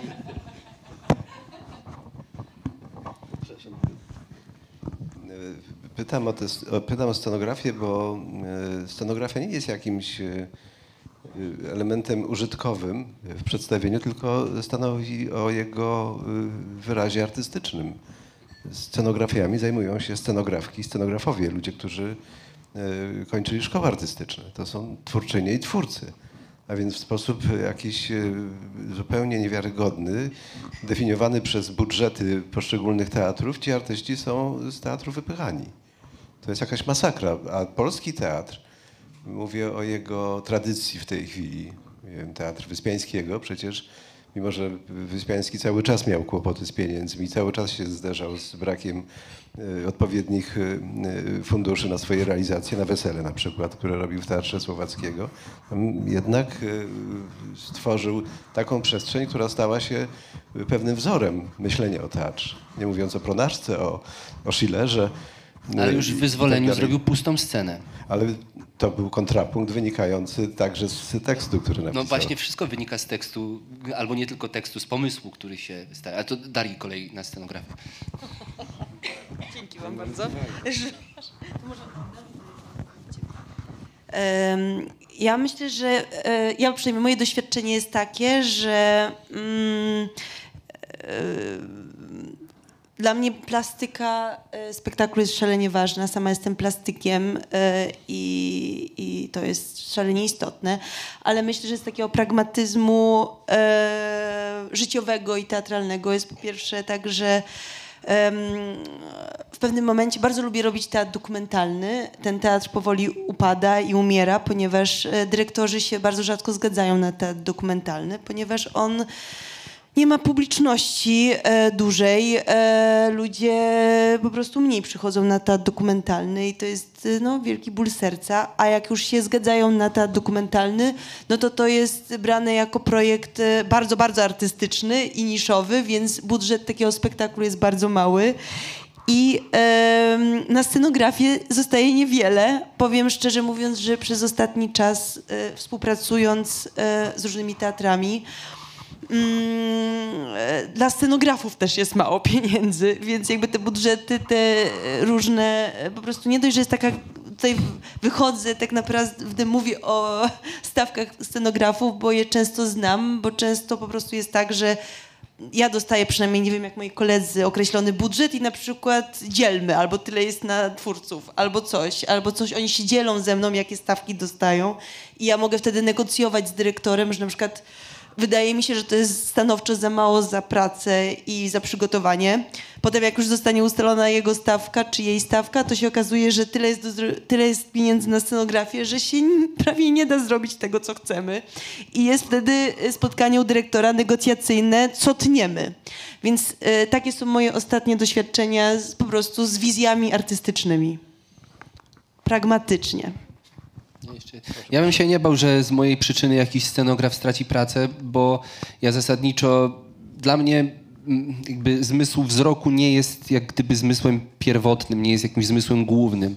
I, i, i, i, nie wiem, może ja, ja mam od tego ludzi trochę, w sensie właśnie scenografów. Ostatnio dramatur, który ze mną pracuje, Konrad Hetel, zaczął robić scenografię, bo rzeczywiście to jest całkiem wydajne, kiedy i tak, i tak jesteśmy razem w procesie. On może się tym jeszcze zająć.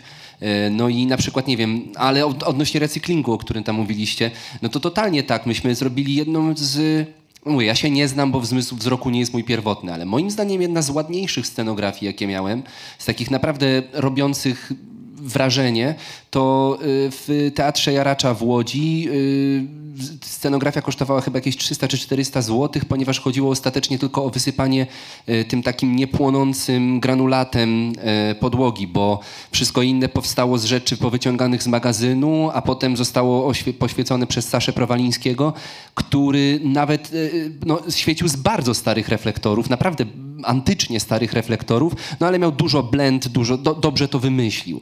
Y, Więc jakby, no nie wiem, dla, dla mnie w ogóle jest coś takiego, że rzeczywiście taka magia, magia, magia, takie coś naprawdę niesamowitego, to po co ja ten teatr robię, to się rzadko kiedy w ogóle zdarza na scenie, w scenografii, to się głównie zdarza na sali prób.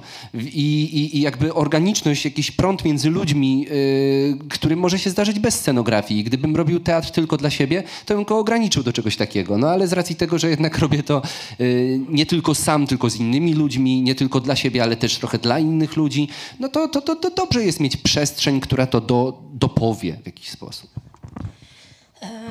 A propos jakby magii między ludźmi, ja bym zrobiła też przestrzeń na pytania z widowni w tym momencie, bo już niewiele czasu nam e, zostało.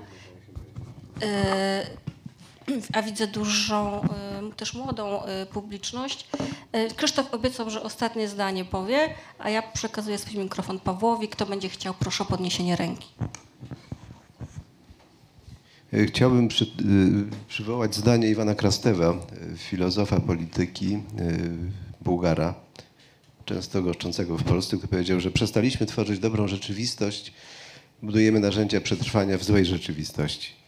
Mam takie wrażenie, że w takiej przestrzeni się poruszamy, rozmawiając dzisiaj o teatrze, a, a chciałbym, żebyśmy mieli jednak poczucie, e, no nie chcę myśleć e, e, kategoriami przeszłości wyjątkowymi, ale jednak przestrzeń artystów jest zupełnie inna, jest, rządzi się innymi prawami niż codzienność. Jak to się wydostać z tej codzienności, e, myśląc e, o teatrze, o waszej przyszłości, bo wasza przyszłość będzie przecież definiowana przez e, budżety teatrów, e, ale jak na przykład właśnie zagospodarować taką wielką scenę jak, jak w Opolu, gdzie Twarkowski zrobił przecież bardzo ciekawe przedstawienie z użyciem ogromnej scenografii. Jak, nie wyobrażam sobie na przykład spektaklu Eweliny Marciniak y, y, Śmierci dziewczyna bez scenografii Borkowskiej albo, nie wiem, przedstawień Lupy bez jego y, scenografii. Być może, ale teraz właśnie zrobiła w Starym Teatrze w Krakowie przedstawienie. Nie wiem, tutaj mówiłeś o, o roli, że dla Ciebie to nieistotne jest, ja myślę, że ta wizualna część naszego teatru była zawsze jego siłą. No, tutaj przywoływałem Grzegorzewskiego, jeszcze raz to robię, zrobię. Y, Grzegorzewski w, w, w Krasińskim, gdyby y, nie opatrzył tej sceny pantografami, tymi wszystkimi gadżetami, które y, towarzyszyły jego teatrowi i które były spraw, które sprawiały powstawanie szczególnego świata właśnie. Często myślałem nawet, że Grzegorzewskiemu właśnie niepotrzebni są aktorzy. Że ta scenografia, ta rzeczywistość wizualna była tak niewiarygodna, czy nie wiem, teatrzajny, jak wrócimy do, do tego wybitnego artysty. No wielu jest także, nie wyobrażam sobie teatru Warlikowskiego bez y, scenografii Małgorzaty Szczęśniak i tak dalej, i tak dalej. Mogę, nie wiem, co Karolina Jaklewicz na, na, na rolę y, artystów y, sztuk wizualnych w teatrze. No więc dzisiaj po prostu trzeba zastanowić się nad tym, jak, jak nie rezygnować, jak nie być zmuszonym do tego, żeby wycofywać się z tych wizji, o których mówiłaś, z tych propozycji, które y, leżą w, jakby w naturalnej y, linii rozwoju teatru artystycznego. To przecież nie chodzi o to, żeby z jakąś nadwyżką inwestować w deski, w stal, lustra, nie wiem, podłogę y, baletową czy cokolwiek innego. W, naszym w naszych przedstawieniach do każdego spektaklu była inna podłoga. Nie wyobrażam sobie teatru Moniki Pęcikiewicz bez i, jej trzech sióstr, bez y, przestrzeni, którą zrobiła y, Karolina Benoit. Więc y, tak myślę sobie, że y, dzisiaj sąsiadując przez ścianę z Teatrem Ubogim y, Jerzego Grocowskiego, warto zastanowić się nad przywróceniem polskiemu teatrowi również tej części wizualnej, która jest, y, jest, była i będzie siłą tego teatru, bo mamy bardzo utalentowanych artystów wizualnych. Oddajemy głos.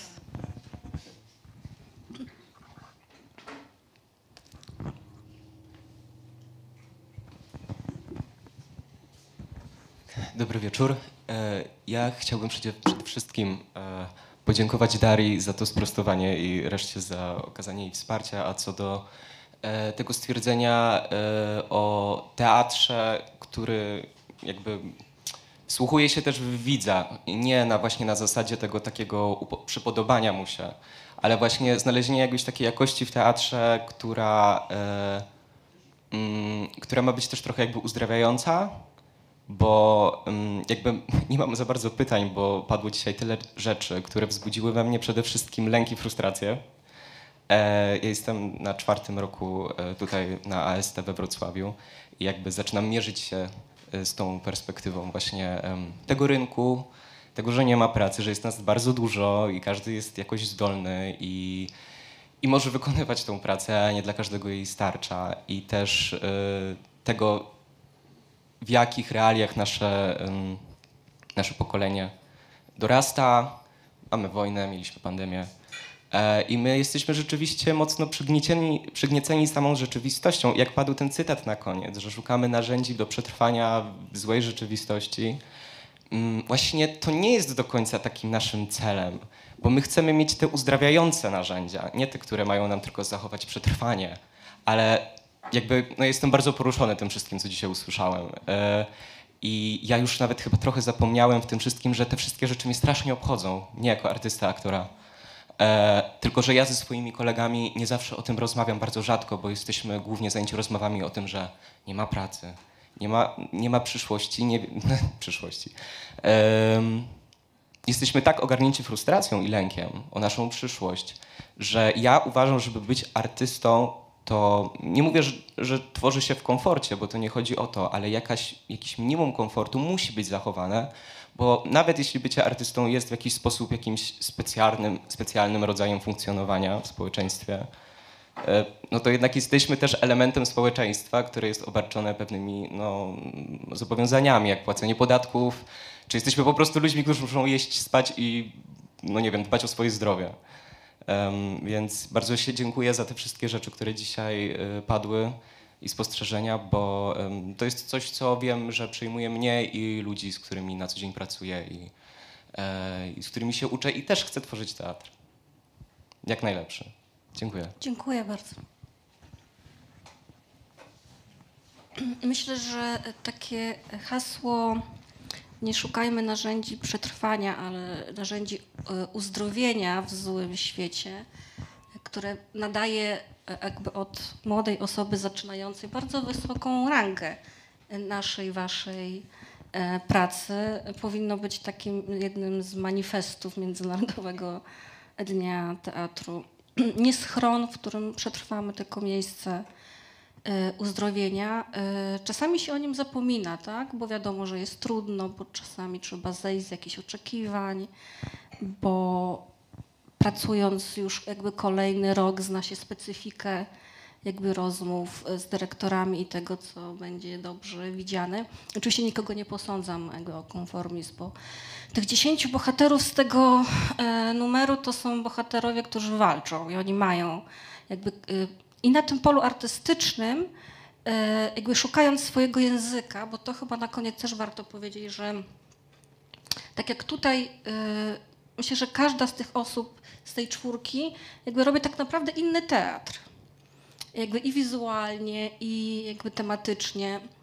E, I siłą polskiego teatru jest właśnie taka ogromna różnorodność. To są różne drogi, ale w każdej z nich twórcy są bardzo daleko. Znaczy to są bardzo zaawansowane drogi. Nie ma jednego teatru, jakby Moniki Strzępki czy Katarzyny Kalwat jakby jest wiele bardzo silnych teatrów, które jakby jeszcze trwają. E, Problem, który będzie za chwilę, to jest taki, żeby tworzyły się nowe, żeby zrobić im miejsce, żeby one miały gdzie wykiełkować, popełniać błędy, bo nie każdy spektakl jest tym w punkt. Tak trzeba może zrobić pięć, sześć, żeby wytworzył się jakiś własny język, mieć do tego tą ścieżkę, to laboratorium, w którym można samemu siebie stworzyć. Em, Podobnie jak aktor, jakby, no, jakby musi gdzieś po prostu stworzyć e, sam siebie poprzez pracę z różnymi e, twórcami. I to będzie to jakby jedno jakby uzdrowieńcze jakby żądanie. Życzenia na koniec. Młodym ludziom życzę komfortu pracy. Nam jakby dróg rozwoju. E, Bo jeżeli dzisiaj zamyka się jakiś etap, e, i ja tak bałbuchwalczo myślę sobie, że zostaliście e, bohaterami notatnika teatralnego i to jest jakaś cenzura i zostawcie mnie w tym przekonaniu, że sobie tak myślała. Em, To jedną z najważniejszych rzeczy jest przestrzeń teatru, która dla Was dalej będzie rozwojem. Też mówicie o tym w rozmowach, że po pracy chcemy mieć też coś dla siebie, coś, co będzie nas e, pchało dalej. A już za chwilę, za moment, jeszcze młodsi, jeszcze zdolniejsi, już teraz debiutują, już teraz mówią, że żaden stępień i żadna kalwat, że to wszystko jest zły teatr i oni wiedzą jak lepiej i zrobią to lepiej i niech robią. E, I paru z nich się uda i e, za parę lat będą bohaterami na tych e, kanapach. Ja Nie chciałbym takiej sytuacji w Polsce, jaka miała miejsce i chyba ma miejsce w Niemczech od wielu lat. Tam bardzo ważne jest to, żeby się pojawił ktoś wybitny, kto jest debiutantem albo debiutantką i żeby to był również albo towarzyszył y, takiemu debiutowi wybitny tekst. I zaraz potem te osoby już są gdzieś marginalizowane, nie ma ich. Ta młodość y, często jest jednorazowa. Więc y, warto myśleć o tym, żeby stworzyć naszym artystom i artystom takie warunki do pracy. I to jest rola polityków, to jest także rola społeczeństwa obywatelskiego, które e, powinna zadbać o, swoje, y, o swoich artystów, bo bez krytycznie myślących artystów to społeczeństwo będzie po prostu biedne. Dziękuję bardzo. Ale znowu, żebyśmy nie zawłaszczyli, chociaż tak to zrobiliśmy, ostatnie zdanie do Was. No to do was też. Czego ja bym sobie życzył na Dzień Teatru? A wiecie, jakoś rzeczywiście się smutno zrobiło, tak jak sobie o tym pomyślę. No nie wiem, to ja mogę opowiedzieć na, na zakończenie o swoich inicjalnych y, y, tych, bo są związane z Wrocławiem i prawda jest taka, że to jest y, rzeczywiście coś, co staram się, to co poczułem tutaj, życzę sobie czuć w teatrze to, co czułem tutaj w, y, na, koniec, na koniec sezonu 2015-16 y, na y, bankiecie po premierze Oscara, kiedy y, obiecywaliśmy sobie wszyscy przyjaciele, że ni- nic nas nie rozdzieli, nie? I potem przyszedł. No, potem przyszło wszystko.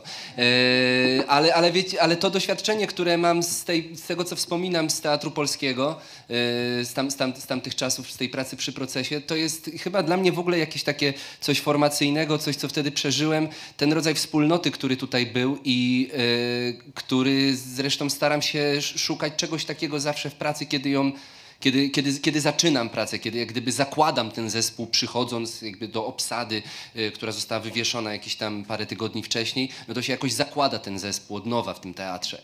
I, i, i, i, i, i szukam, szukam tego, co znalazłem wtedy tutaj i, i, te, i tego rodzaju poczucia wspólnoty, tego rodzaju, y, że jakby jesteśmy nieskończeni, nie, nie da się nic nam zrobić, jesteśmy, jesteśmy bezpieczni, jesteśmy mocni, y, jakby co to wyjdziemy z Maćkiem Charytonem na czele i pobijemy wszystkich. No do tego życzę, żeby tak było. E, takich bankietów, jak wtedy tam doszło do wielu przekroczeń na różnych polach. Życzymy wszystkim młodym adeptom.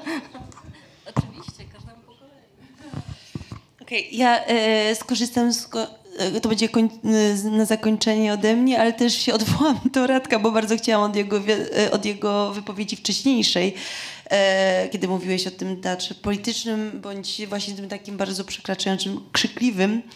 E, mam wrażenie też, że wtedy chciałam się odnieść do tego, że em, że być może ten teatr, który jakby jak jest za dużo emocji, zalewają nas duże emocje i po prostu jest to w jakiś sposób, można powiedzieć, wyżygiwane, wyrzucane bardzo e, poprzez bardzo silne bodźce, e, to czasem może być to jakby oddziaływać bardzo mocno, albo wręcz przeciwnie, być takie, jesteśmy czymś oblewani i po prostu musimy się otrząsnąć, pójść dalej, albo to nas, po nas spływa, bo nie mamy pojemności jako widzowie na przykład. Więc o tym teatrze myślę sobie na Dzień Teatru, też o takim teatrze, który tak dawkuje te emocje, że ten widz może je przyjąć, kontenerować i być z nami w takim procesie współodczuwania i rozumienia po kolei, może taką metodą kropelkową, e, czego potrzebujemy, gdzie jesteśmy, kim jesteśmy. Em, być może nie zawsze zalewając nas e, wszystkim, całym, całą paletą uczuć, trudnych uczuć. Może to jest taki czas w świecie, kiedy potrzebujemy jednak em, powolutku przyglądać się każdej emocji, bo jest taki bełkot emocjonalny, że może trzeba zacząć od początku, po kolei, uczyć się od siebie nawzajem.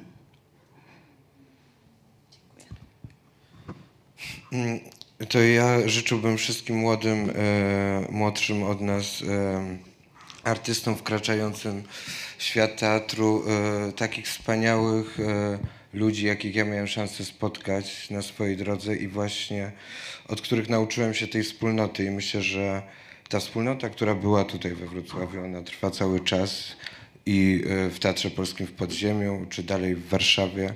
I wszystkie też spektakle, czy projekty, które zrobiłem później właśnie udały się tylko dlatego, że wierzyliśmy w to, że razem mamy jakąś niesamowitą siłę i, i w zasadzie mm, to, to było najważniejsze i to było największym motorem.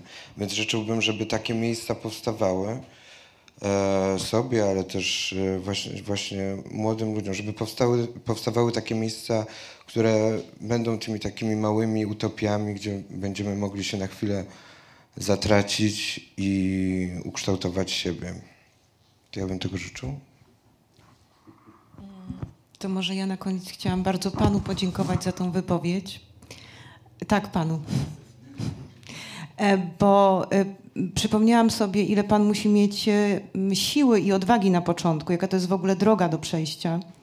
Więc chciałabym tutaj z tego miejsca wszystkim młodym osobom, które zaczynają pracę w teatrze, życzyć, żeby zawsze tą odwagę, tą siłę, ten upór mieli.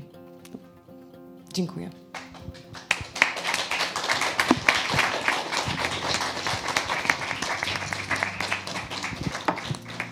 Dziękuję naszym gościom. E, Wszyscy przyjechali prawie spoza Wrocławia, niektórzy specjalnie lecieli e, do Polski. Bardzo jest mi miło, że mogliśmy taki pierwszy prawdziwy cykl e, w takim gronie zainaugurować. Dobrego dnia teatru. Gościom i gościniom.